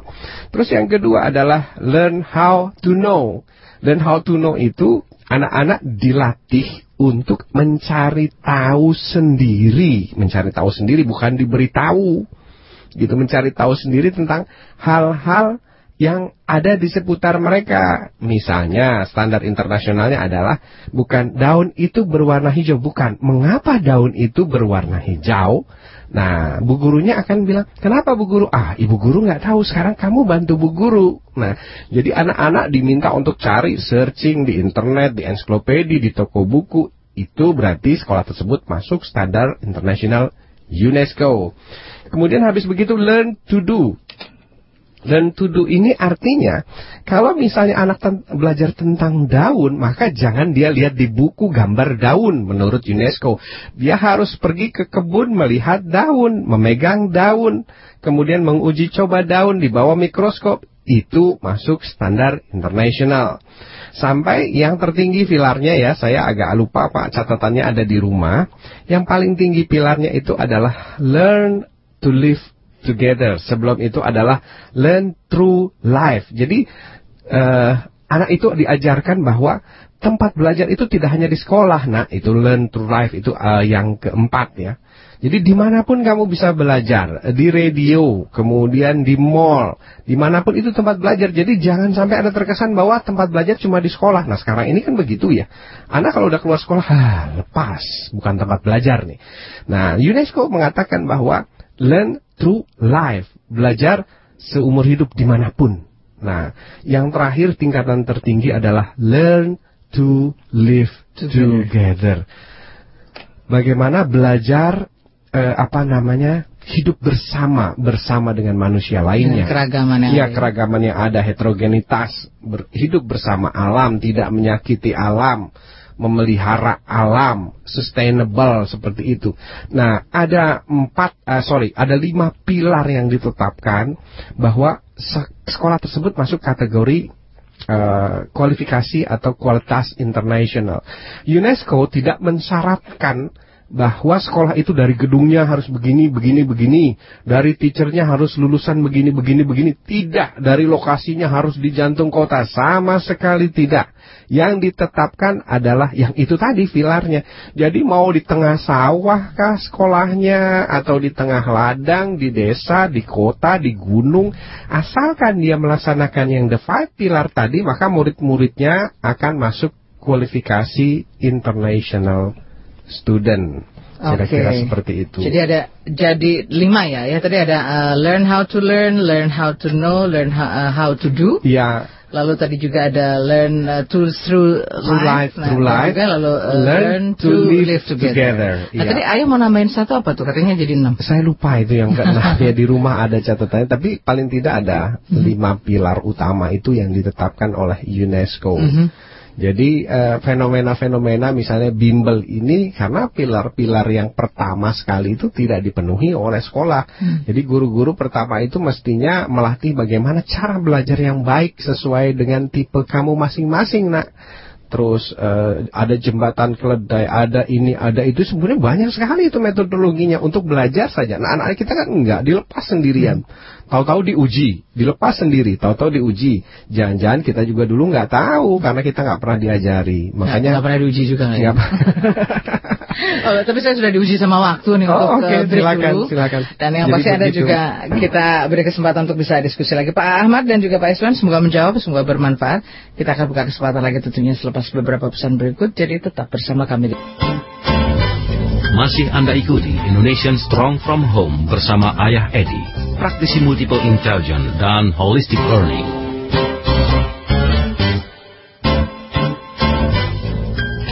Ya, kita masih kembali untuk Anda dan yang pasti program uh, ya, Indonesian Song From Home ini kita hadirkan setiap Selasa malam dari pukul 20 sampai dengan 22 ya. Ini banyak sebenarnya orang tua yang sudah mempersiapkan liburannya dengan baik dan mudah-mudahan sudah dimanfaatkan dengan Amin, baik ya, amin, ya. amin. Mudah-mudahan. kita masih akan bergabung lagi dengan beberapa pertanyaan yang uh, juga sudah masuk di line uh, SMS. Nanti Anda yang juga ingin bergabung di line telepon juga boleh masih ada kesempatannya, masih ada tiga sesi lagi ya. Kita ke pertanyaan dari uh, Pak Danu Jasa. Ayah Edi bagaimana mengubah perilaku anak yang terlanjur nakal agar berakhlak mulia dan cerdas pada liburan ini? Oh, luar biasa. Ini juga blessing Pak Danu.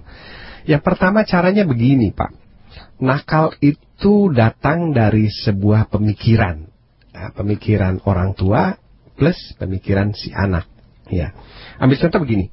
Waktu kita katakan ini anak nakal betul. Nah, coba nakal itu kita bedah.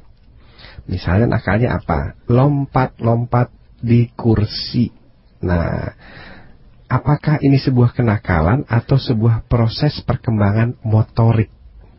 Nah, motorik itu adalah otot-otot besar anak. Kalau misalnya ternyata secara sains dia sedang mengembangkan motorik, kan luar biasa, Pak. Jadi sebenarnya bukan nakal. Hanya saja karena di kursi si pemilik kursi terganggu, takut rusak, takut patah, harganya mahal, nanti jebol. Oleh karena itu, langkah berikutnya jangan kita katakan nakal, tapi kita berikan tempat fasilitas yang kita harapkan tidak mengganggu siapa pun. Misalnya diberikan matras, kemudian di satu ruangan di kamar. Oke sayang, inilah tempat kamu melompat-lompat. Pertanyaannya apakah bisa? Awal-awal sulit, tapi lama-lama bisa dan terbiasa. Itu terjadi pada anak saya. Tadinya anak saya lompat di mana pun dia mau lompat. Tapi sekarang ada tempat-tempat khusus dia lompat di kasur pribadinya. Misalnya, saya punya, saya berikan kasur pribadi ini kasur pribadi kamu sayang. Segala sesuatu kerusakan dan sebagainya adalah hak dan resiko Tanggung kamu. jawab. Iya, seperti itu. Balik lagi yang lain. Apalagi yang Bapak sebut nakal. Nah, itu didefinisikan satu-satu. Apa sih sebenarnya masalahnya? Apakah mencuri kah, memukul kah? Itu pasti ada dua hal. Yang pertama adalah dia sedang mengembangkan atau sedang belajar tentang sesuatu benar atau salah. Yang kedua, kita merasa terganggu. Nah, supaya tidak merasa terganggu, berikan solusi, ajarkan caranya. Nah, anak itu perlu proses. Jangan kita harapkan bahwa hari ini kita minta besok bisa. Kita saja juga tidak seperti itu. Beri waktu tenggat misalnya. Oke, dalam seminggu ke depan, yuk kita lakukan ini. Seperti itu. Jadi hapuskanlah kalimat nakal di kepala. Gantilah dengan observasi dan proses telusur. Kenapa dia melakukan itu? Apa jangan-jangan kita yang belum memberikan solusi tempat, solusi waktu, solusi budget, solusi apa pun? Oke, Begitu Pak kira-kira. Pak Danu. Nah, Semoga bermanfaat ya liburannya. Persis, liburan ini adalah kesempatan emas Hmm. untuk melakukan itu secara menyenangkan karena waktunya sama-sama luang. Betul, jadi komunikasinya bisa Iya, dibangun ya. begitu. Kita ke Pekanbaru sekarang. Ada Bu Ita di Pekanbaru. Ayah umur berapa sih sebaiknya anak-anak itu diperkenalkan pada permainan eh, dunia maya seperti dikatakanlah eh, game online, PlayStation seperti itu. Eh, seberapa penting sebetulnya permainan ini untuk anak? Karena takutnya nanti setelah diperkenalkan anak malah jadi ketagihan, ayah. Oke, pertama, saya memperkenalkan itu pada anak saya. Apa yang jadi concern? Yang jadi concern untuk anak pertama adalah satu kesehatan mata atau organ visual. Jadi kalau memperkenalkan game di usia anak-anak, eh, anak saya kenal game itu usia 3 atau 4 tahun ya.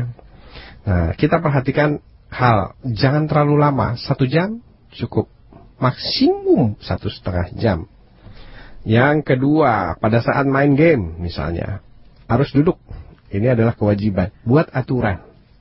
Nah, jangan sambil tiduran karena berpengaruh lagi ke organ mata. Yang ketiga, konten gamenya apa? Konten gamenya ada pembelajaran nggak? Ya, kalau bisa yang baik-baik konten gamenya. Kan ada game Dora, ada game ini dan Bisa sekarang dipilih, ya. pertanyaannya kalau misalnya konten gamenya kurang baik, misalnya perang dan sebagainya. Oke, kita dampingi, kita jelaskan siapa ini musuh, siapa ini, siapa ini, dan kamu bertindak sebagai siapa. Karena bertindak sebagai siapanya itu yang penting kita tanamkan kepada anak. Seperti itu. Nah, kemudian eh, berikutnya lagi pertanyaannya adalah kalau kecanduan gimana? Oke. Kecanduan itu kalau kita tidak menegakkan aturan main. Saya tegakkan aturan main. Jadi ada syarat-syarat. Pertama kali pagi sebelum apa as- pada saat anak bangun kalau dia siangnya mau main game paginya harus olahraga dulu olahraga sekarang rutin anak saya setiap pagi yang kedua bangunnya harus jam 7 lewat dari jam 7 nanti nggak main game jadi justru dia punya kesukaan game itu menjadikan sebuah hadiah terbesar untuk kita menegakkan aturan-aturan schedule dalam sehari itu Mhm. Karena kan ada iming-imingnya game Ya. Nah, seperti itu. Jadi, saya rutin tuh jam 7 ngapain, jam ini ngapain, jam ini ngapain, jam ini sampai waktu main game. Wah, seneng banget kalau udah main game. Akhirnya setiap hari dia ikuti itu untuk sebuah game. Tapi, akhirnya apa yang terjadi? Jadi, menjadi sebuah habit. Jadi pola ya. Jadi pola. Hidupnya Waktu ya. saat komputernya rusak, tetap pola itu berjalan. Paginya olahraga dulu, habis olahraga begini, begini, begini, begitu kira-kira. Oke. Mudah-mudahan menjawab. Terima Ya. kasih sudah bergabung dengan kita. Kita ke penelpon sudah ada juga Oke, yang bergabung di silakan. telepon. Selamat malam, Smart FM. Halo, selamat malam Mbak Nanti. Selamat malam dari siapa di Ya, mana Pak? Selamat malam Pak Yadi dari Selamat malam. Mukamil. Pak Mutamil, Pak silakan. Mutamil, apa kabarnya Pak Mutamil? Alhamdulillah sehat. Silakan Pak. Ah, gini ah, Yadi. Ya, ini yang dicakung ya Pak ya? Iya betul. Iya. Ingat ya. Eh, anak saya itu umur 16 tahun sama Iya. umur eh, eh, 11 tahun. Ya, Eh, eh, cewek semua. Oke. ya. Eh, Nah, itu kadang-kadang sering berantem gitu, Yadi. Oke. Eh, jadi misalnya ada apa hal-hal yang diperselisihkan gitu kan, suka pukul-pukulan gitu. Hmm. Ya, tidak sampai yang membahayakan sih, cuman kayaknya melihatnya bagaimana gitu. Itu Hmm. penyebabnya apa, terus solusinya apa gitu loh. Kadang-kadang saya sampai bingung bagaimana gitu. Baik. Ya, Pak baik, baik Pak. Terima kasih Pak sudah sharing. Salam buat keluarga. Iya, eh, selamat malam. eh, Assalamualaikum. Baik, Waalaikumsalam. Waalaikumsalam warahmatullahi Nah, ini anaknya usia 16 sampai eh, 11 ya, ya, dua ini. Nah, ini apakah memang karena perbedaan umur atau mungkin ada hal-hal lain yang perlu juga dipahami oleh Pak Mutamil dan Ibu sehingga tahu begitu bentuk eh, kira-kira apa yang dipertengkarkan oleh mereka berdua ya? Eh, sebenarnya ini agak terlambat ya. Mhm. Nah, harusnya sudah selesai itu waktu mereka TK atau SD. Oh, oke. Tapi tidak apa-apa Pak. Eh, beruntunglah masih eh, anak-anak gitu. Mhm. Yang pertama begini, seseorang bertengkar itu disebabkan karena dia belum tahu tentang hak dan kewajiban. Oke. Itu biasanya terjadi karena orang tua punya eh, keinginan bahwa anak saya jangan bertengkar. Padahal bertengkar itu adalah sebuah proses pembelajaran bahwa anak itu perlu belajar tentang hak dan kewajiban. Waktu masih kecil biasanya orang tua punya kebiasaan yang inginnya sih benar tapi sebenarnya keliru gitu. Yakni membelikan sesuatu yang sama kepada dua orang anak. Jadi kalau kakaknya dapat A, adiknya dapat A. Kalau kakaknya dapat B, adiknya dapat B. Tujuan orang tua baik kata biar nggak bertengkar, Hmm. tapi justru di situlah letak awalnya kita mengajari anak terus bertengkar sepanjang hidup. Mhm. Jadi kalau ingin membelikan apa-apa, belikanlah satu saja. Hari ini untuk siapa nih? Kakak. Nanti adiknya akan teriak, kok aku gini-gini nggak adil. Oke, kamu ada gilirannya. Sekarang ini punya kakak. Nah, waktu si adik merebut, kita katakan, ini hak kakak. Siapa pun yang merebut, dia akan mendapatkan konsekuensi hukuman. Mhm. Nah, berikutnya baru adiknya yang dibelikan. Waktu kakaknya merebut, ini punya adik. Jadi mereka mulai belajar yang namanya level 1, hak dan kewajiban. Saling menghargai begitu ya. ya. Persis. Kalau mereka sudah belajar ini, maka tidak ada yang namanya pertengkaran. Orang nyerobot tanah, nyerobot rumah, nyerobot apa, mereka tahu kok itu bukan hak dia. Tapi karena dari kecil tidak pernah dilatih bahwa menghargai hak orang lain, ya tetap saja sampai besar dilakukan. Nah setelah mereka belajar hak, kita bisikan. Nah, kalau kamu nggak mau pinjemin adik, nanti giliran kakak dibelikan gimana? Seperti itu. Nah biasanya mereka akan boleh pinjam. Yang kedua adalah ajari anak kita untuk pinjam meminjam. Hmm. Termasuk di dalamnya adalah bertanggung jawab terhadap kerusakan barang yang dipinjam. Sejak usia lima tahun anak saya sudah ajarkan itu. Itulah kenapa saya mengajarkan anak saya mengumpulkan koin apabila mainan kakak rusak maka kamu harus mengganti. Jadi ada kewajiban mengganti dan dia tahu. Ya. ya. Bertanggung jawaban. Jadi sampai sekarang dia tahu sepatu ayah putus karena dia mainkan ganti sekarang. Dengan berapa koin ayah? 10 koin. Kemarin baru dia serahkan. Ini koinnya ayah. Nah koin itu dikumpulkan atas perilaku-perilaku baiknya dia. Prestasi-prestasi keseharian dia. Nah, Oke. begitu kira-kira, Pak Pak. Muhtamil, mudah-mudahan ini cukup membantu begitu nanti bisa diaplikasikan langsung ya terhadap anak-anak dan Ya. didiskusikan. Kita masih ada penelpon lagi Oke, ya sebelum silakan. kita break kita terima dulu selamat malam Smart FM. Malam waktu malam ya di Selamat malam dari malam. siapa di mana Pak? dari Pak Heru di Depok. Pak Pak Heru. Heru. Di Depok. Silakan Ya. Pak Heru. Ya, terima kasih atas kesempatan. Iya. Eh, begini ya, jadi saya seorang guru gambar di Depok. Oke, Jadi Pak Heru. eh, murid saya usianya itu sekitar eh, jalan lima tahun. Mhm. Jadi pada saat eh, di kelas privat itu eh, gambar pada saat betapa pembelajaran menggambar itu sedang berjalan, Mhm. eh, tiba-tiba eh, secara spontan eh, murid didik saya itu mengambil gambar dan diinjak-injak gitu kayak di Gambar siapa yang diambil dan? gambar gambarnya saya saya sebagai gurunya gitu. Oh, Lalu secara- alasannya?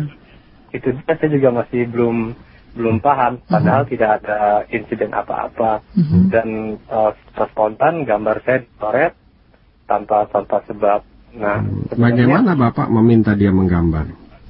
eh, kalau saya awalnya ya seperti ayah diinstruksikan apa yang anak itu suka dan dia merasa bahagia saya sodor apa saya tawarkan kepada dia Mhm. lalu dia memilih entah itu tokoh kartun entah itu ilustrasi eh, apa ilustrasi suasana Mhm. ataupun buah-buahan. Setelah itu Hmm. anak didik saya itu memilih. Nah itu setelah beberapa bulan eh, jadi ada eh, perilaku-perilaku yang belum saya pahami betul.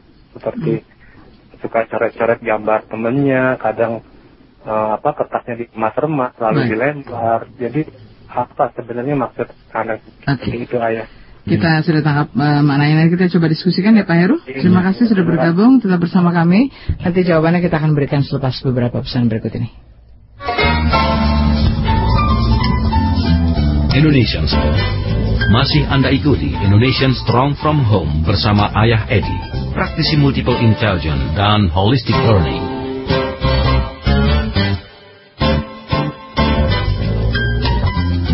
Kita masih kembali untuk Anda di Indonesian Strong From Home. Masih ada satu pertanyaan kita jawab dulu nanti baru kita buka kesempatan lagi untuk uh, penelpon berikutnya ya. Tadi Pak Heru di Depok. Nah, beliau ini guru gambar, uh, anak rata-rata usianya tadi kurang lebih lima tahun seperti itu. Nah, hal ini yang bisa terjadi seperti ini kenapa ya? Apakah memang si anak sebetulnya tidak menyukai proses gambar menggambar itu atau mungkin sebetulnya ada penyebab yang lain?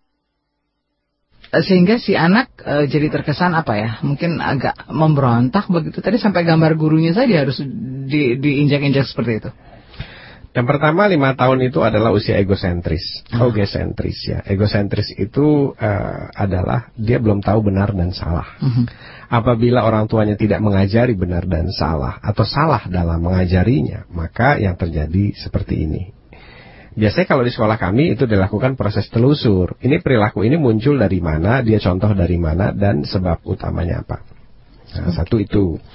Terus yang kedua, seperti mana sih bilang, ada kemungkinan dia nggak suka gambar tapi dipaksa gambar eh, kursus gambar oleh orang tuanya. Jadi yang ingin dia kursus gambar adalah orang tuanya.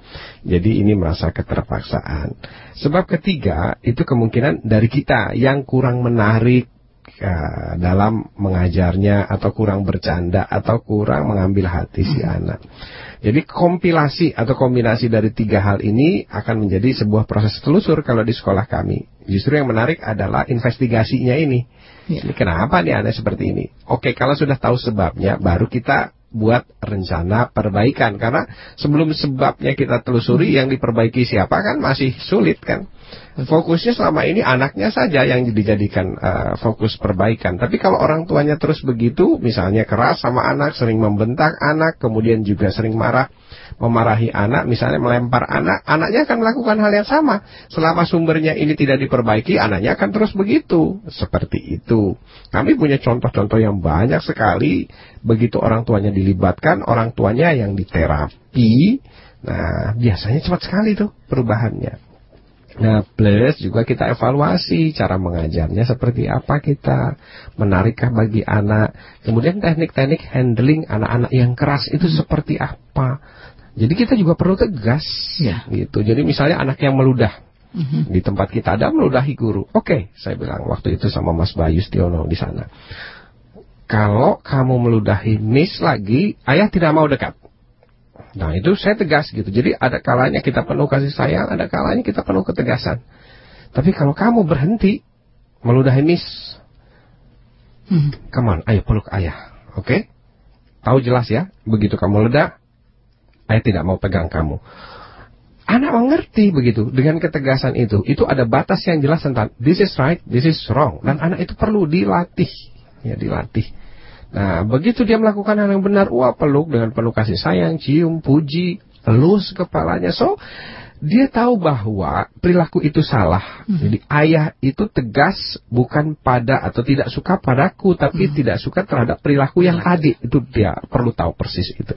Sama seperti tadi, kalau bapak misalnya nggak tegas dan nggak tahu sumbernya dia dari mana, ya anak akan melakukan itu lagi, itu lagi.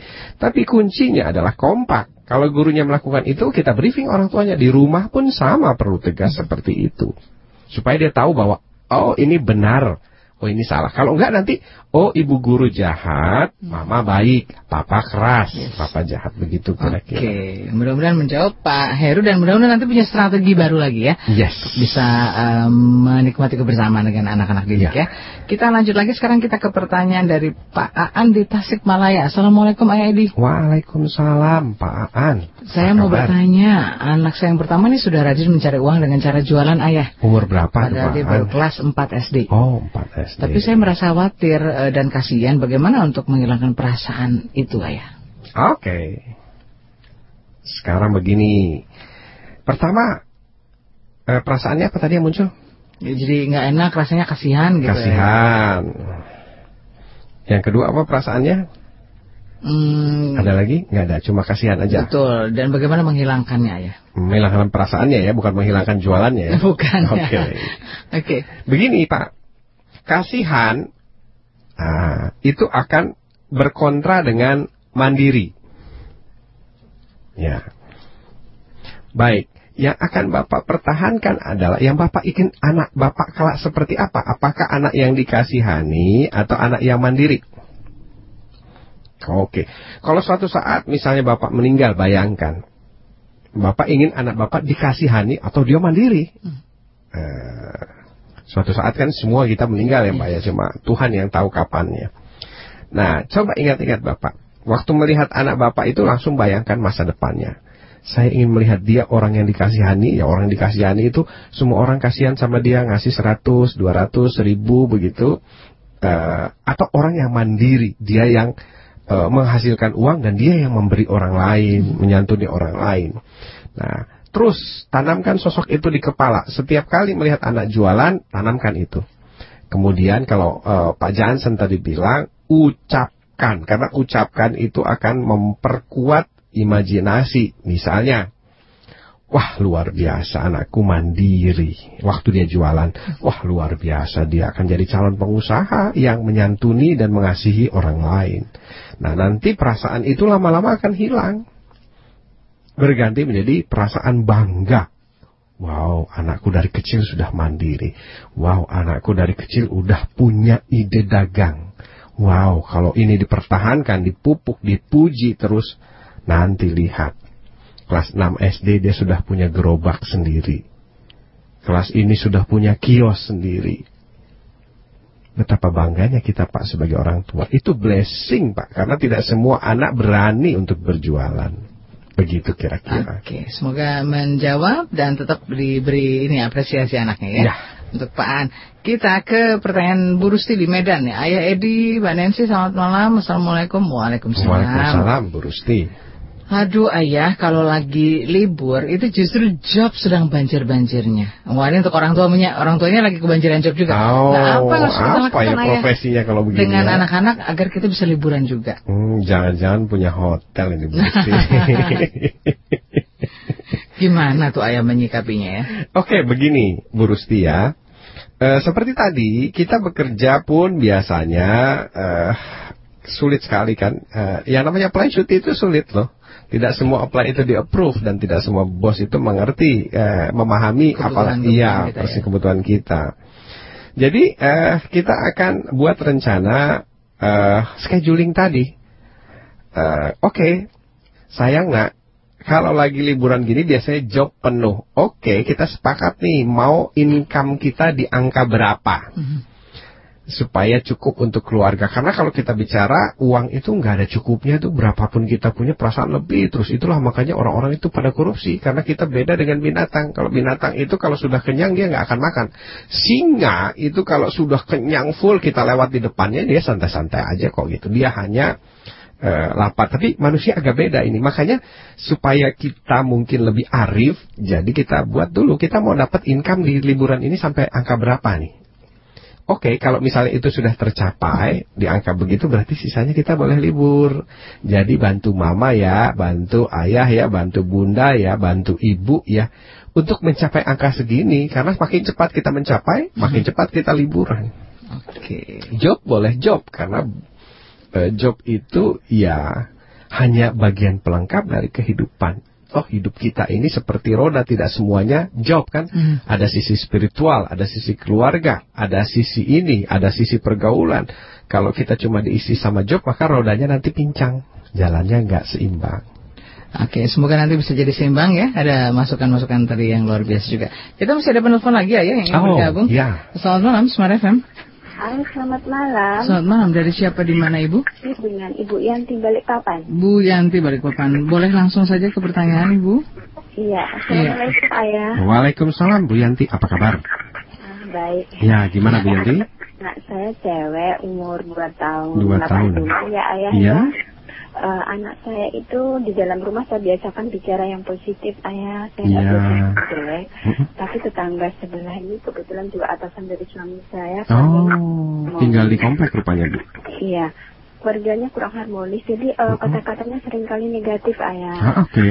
Nah, jadi uh, bagaimana saya mengalihkan? Kadang-kadang anak saya tertular kata-katanya yang jelek itu ayah. Mm -mm.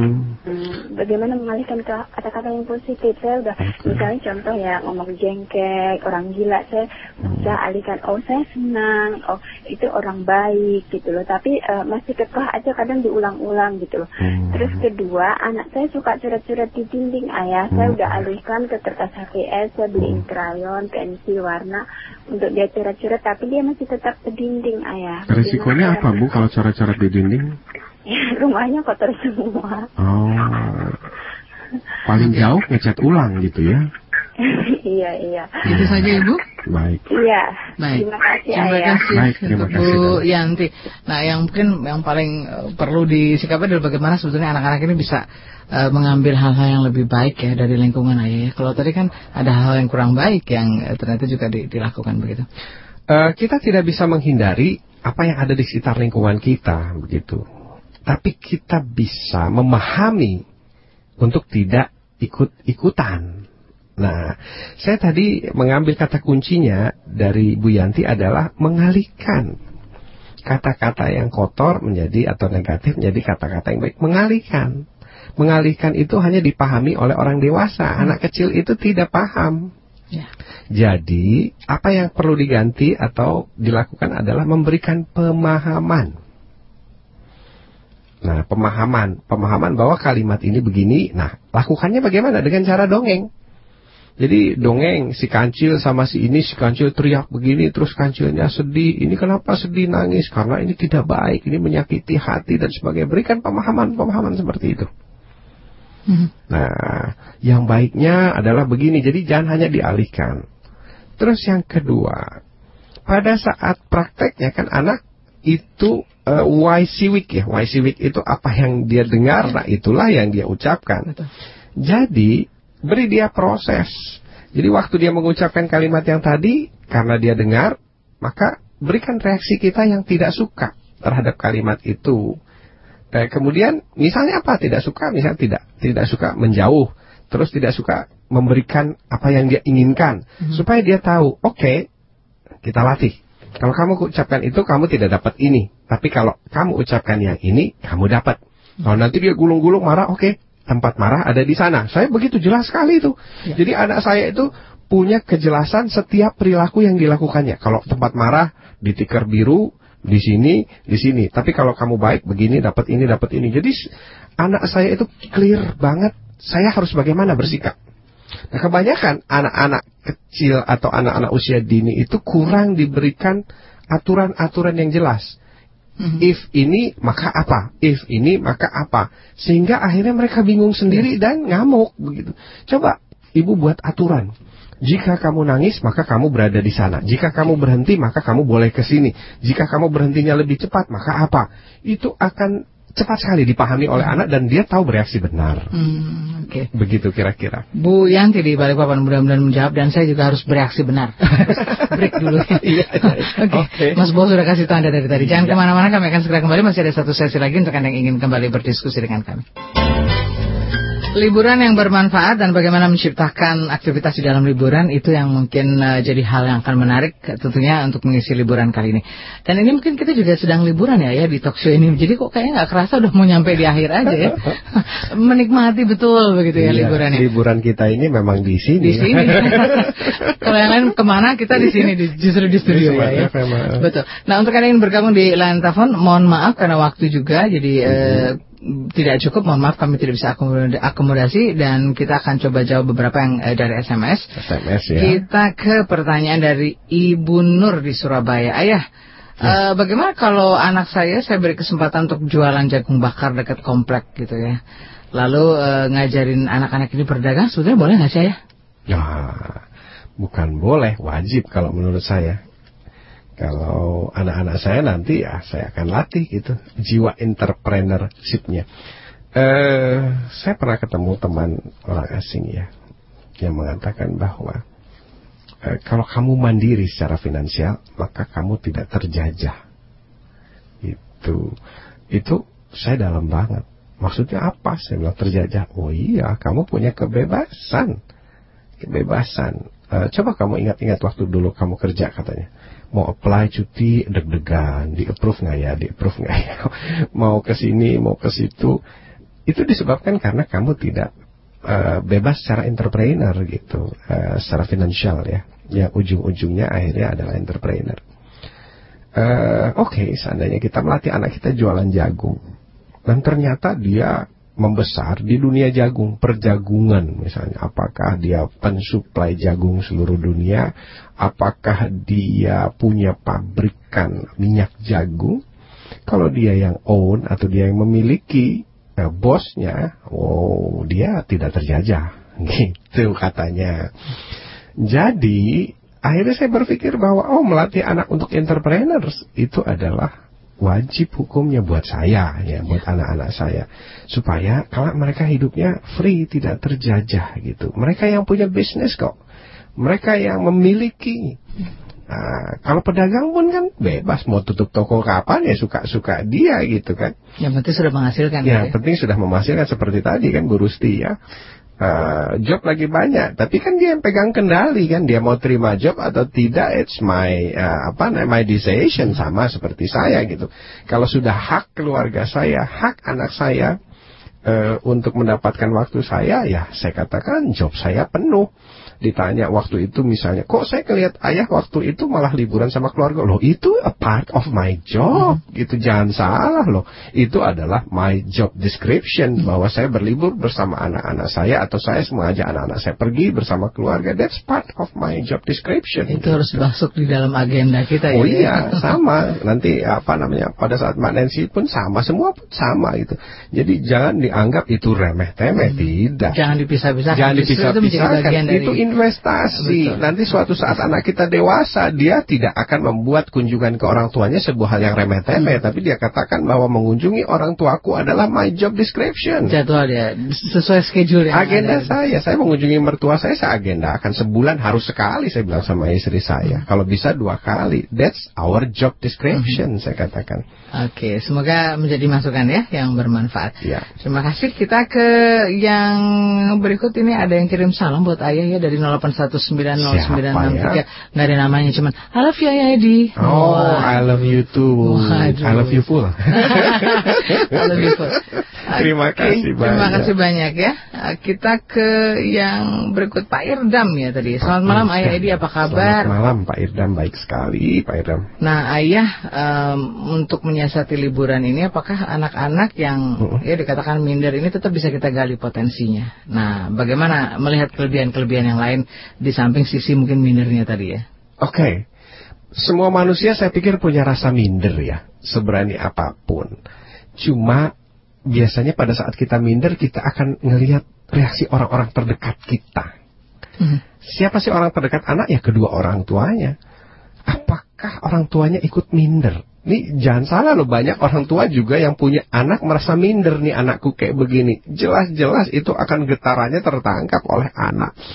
Tapi waktu orang-orang terdekat ini mengatakan, oh you are good, you are best. Kamu adalah kebanggaan seperti ibunya Nancy. Eh ibunya Nancy, ibunya Thomas, Thomas Edison, Edison, Nancy Nancy Elliot ya. ya. Waktu anaknya dibilang anak ibu ini mengalami cacat, nggak bisa belajar. Apa teriakannya Nancy? No, you are my inspiration. Gitu, you are my best son. Kamu adalah anak terbaikku, kamu anak hebat. Gimana nggak bangkit itu nyalinya Thomas Edison? Coba kalau kita bilang, aduh, memang ya kamu ternyata gitu. Jelas anaknya jadi minder. So, mulailah dari kita banggalah kita pada anak-anak kita. Jadi bukan proudnya sombong ya, tapi proudnya bangga. Karena dia adalah ciptaan Tuhan yang terbaik. Nah, tunjukkan itu pada anak dalam setiap aktivitas. Meskipun dia dalam kondisi gagal, dapat nilai 5, 4, 3, 2, 1. Seperti ibunya Thomas tadi. Nah, nanti itu akan menular Bapak Ibu sekalian. Lihat saja hasilnya. Eh, sometime ya, suatu ketika nanti kita akan ada acara keluarga, saya feeling eh, kita akan eh, gabung begitu. Eh, mungkin bapak ibu bisa lihat anak saya begitu, karena saya selalu menularkan rasa bangga saya, apresiasi saya pada anak saya. Pada saat tidur saja saya bayangkan dia, tahu nggak apa yang saya bayangkan, mbak? Saya sedang tidur dengan orang besar, calon orang besar gitu. Jadi kalau misalnya mau lewat aja saya permisi anak ya ayah mau lewat gitu karena saya bayangkan bahwa ini adalah calon orang besar gitu, bukan anak saya begitu. Someday mungkin dia lebih hebat dari bapaknya kan dari ayahnya. Ya.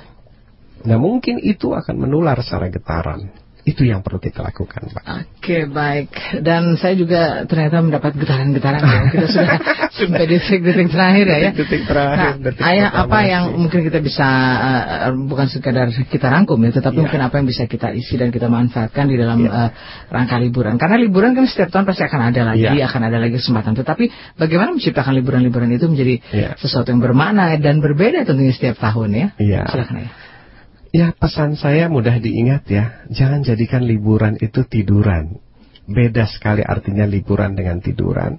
Kemudian liburan is a big deal. Satu hal yang luar biasa. Jadi jangan sia-siakan kesempatan emas ini. Enggak banyak orang tua bekerja Orang tua yang di Jakarta punya kesempatan emas ini.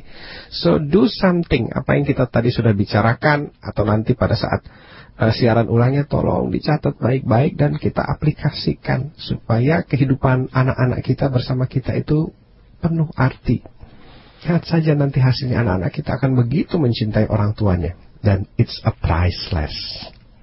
Oke baik, terima kasih ayah. Terima kasih Penutupnya kembali, luar biasa sekali.